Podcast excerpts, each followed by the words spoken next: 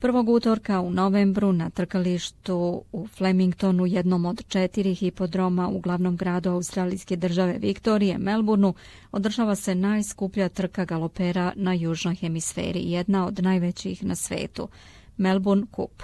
Pobedničko grlo vlasniku donosi milione australijskih dolara i trofej vredan 100.000.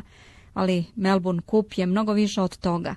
Još od 1877. to je državni praznik u Viktoriji, ali podjednako važan dan za ostatak Australije. U trenutku kada se otvore barijere i konji njih 24 krenu da osvajaju prve santimetre trake dugačke 3200 metara, ceo kontinent se preseli kraj malih ekrana ili radioaparata i nije ni čudo što su hroničari odavno napisali da je Melbourne Cup trka koja zaustavlja naciju. U zemlji gde proleće ima sinonim sezona galopera, Konjske trke su nešto više od običnog sporta, one su fenomen, kao redko gde. Čak i klađenje, koje po pravilu ide uz njih, a pogotovo kada je Melbourne kup u pitanju, nije porok u Australiji, kao što je na mnogim drugim mestima. Ono je jednostavno deo načina života, nerazdvojivi deo dana kada se održava Melbourne kup. Skup je jedinstven zato što privlači učesnike koji se inače ne klade, kaže Sean Kelly, port parol organizacije Racing Victoria. Everyone wants to be involved in the experience, have the thrill of cheering one on in the race. It gives svi žele da učestvuju, da budu deo uzbuđenja, da navijaju za nekog konja. Svakako povećava se interes kada vidite ljude koji se zajedno klade, što je vrlo popularno u kancelarijama među prijateljima ili članovima porodice koji se okupe oko roštilja, kaže on. Sportski novinar SBS radija Glen Osborne kaže da je potrebno podjednako veštine i sreće da se pobedi na kupu i da se uđe u svetsku elitu konjskih trka. Mislim da je opšte mišljenje da ako niste pobedili na Melbourne kupu, niste sasvim spremni za to. Svaki konj je dodatno opterećen, a najbrži konji nose najviše težine na sebi, što također omogućava da se predvidi pobednik, kaže Glenn Osborne. Uh, um, Zaista bilo koji konj može da pobedi, kaže uh, dalje Osborne.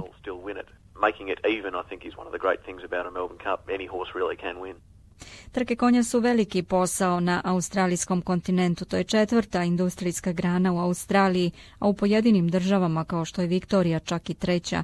I brojne druge industrije imaju i tekakve koristi od Melbourne Kupa. Biti lepo moderno uvrnuto, ali po svaku cenu originalno obučen, doteran, našminkan, sve je to obaveza onih koji dolaze da uživo pored staze ili na tribinama budu učesnici ovog nesvakidašnjeg događaja. Samo u Melbourneu oni koji su tog dana idu na hipodrom potrošili su na oblačenje oko 16 miliona dolara.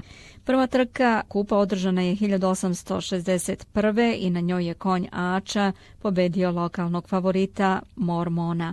Nagrada je bila zlatni sat i 170 funti, sadašnjih 1400 20 dolara. Opisan od strane kladioničara, Archer je odneo veliku količinu novca iz Melburna i tako dodao uzbuđenje i neizveznost Melbourne kupu. U istoriji kupa dva konja su pobeđivala po dva puta i to Ača i Peter Pan. Međutim, Majkabi Diva je čak tri puta osvojio kup 2003. do 2005.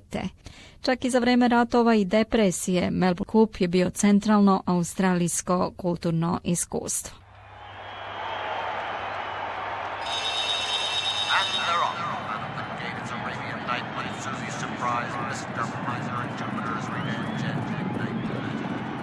Pehar Melbourne Kupa je neverovatan trofej od 18 karatnog zlata. To je nacionalna ikona, možemo reći, koja je utisnuta u australijsku kulturnu tkaninu i jedan od najcenjenijih trofeja na svetu.